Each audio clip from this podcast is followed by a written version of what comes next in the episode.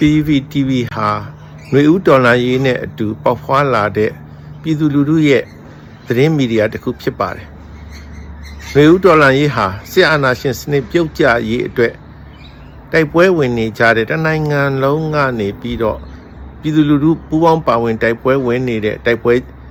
ကြီးတစ်ခုလည်းပဲဖြစ်ပါတယ်။ဒီတိုက်ပွဲကြီးရဲ့ အနေအထားတွေဒီတိုက်ပွဲကြီးထဲမှာဖြစ်ပေါ်လာမဲ့ဖြစ်ပေါ်လာတဲ့နိုင်ငံရေးအနေအထားတွေနိုင်ငံတကာနဲ့ဆက်ဆံရေးတွေပြည်တွင်းမှာရှိနေတဲ့အခြေအနေတွေအားလုံးဟာပြည်သူလူထုကသိကျင်နေတဲ့အဓိကအကြောင်းအရာလည်းဖြစ်ပါတယ်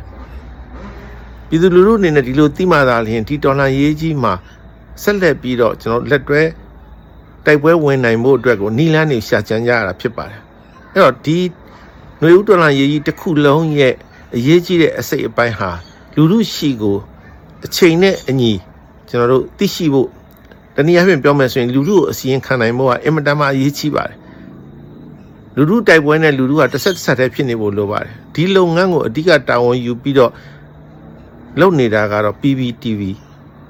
သတင်းမီဒီယာပဲဖြစ်ပါတယ်ဒါကြောင့်မို့လို့ PPTV ရတဆင်လူလူဟာ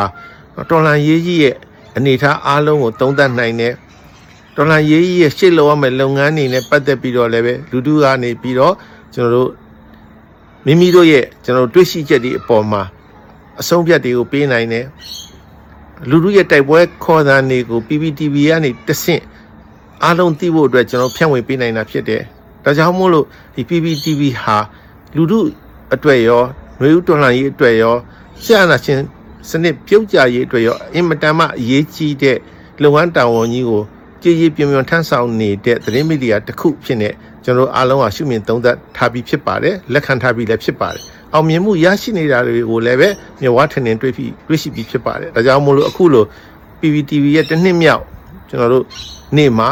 အခုလိုစကားပြောခွင့်ရတဲ့အတွက်အမတန်မှာပဲကျွန်တော်ဝန်တာကုန်ယူပါတယ်ဆက်လက်ပြီးတော့လည်းပဲပြည်သူလူထုရဲ့အကျိုးနွေဦးတော်လှန်ရဲ့အောင်မြင်မှုပန်းနိုင်ကိုအတူတကွလှမ်းနိုင်ပါစေလို့ဆန္ဒပြုရင်းနဲ့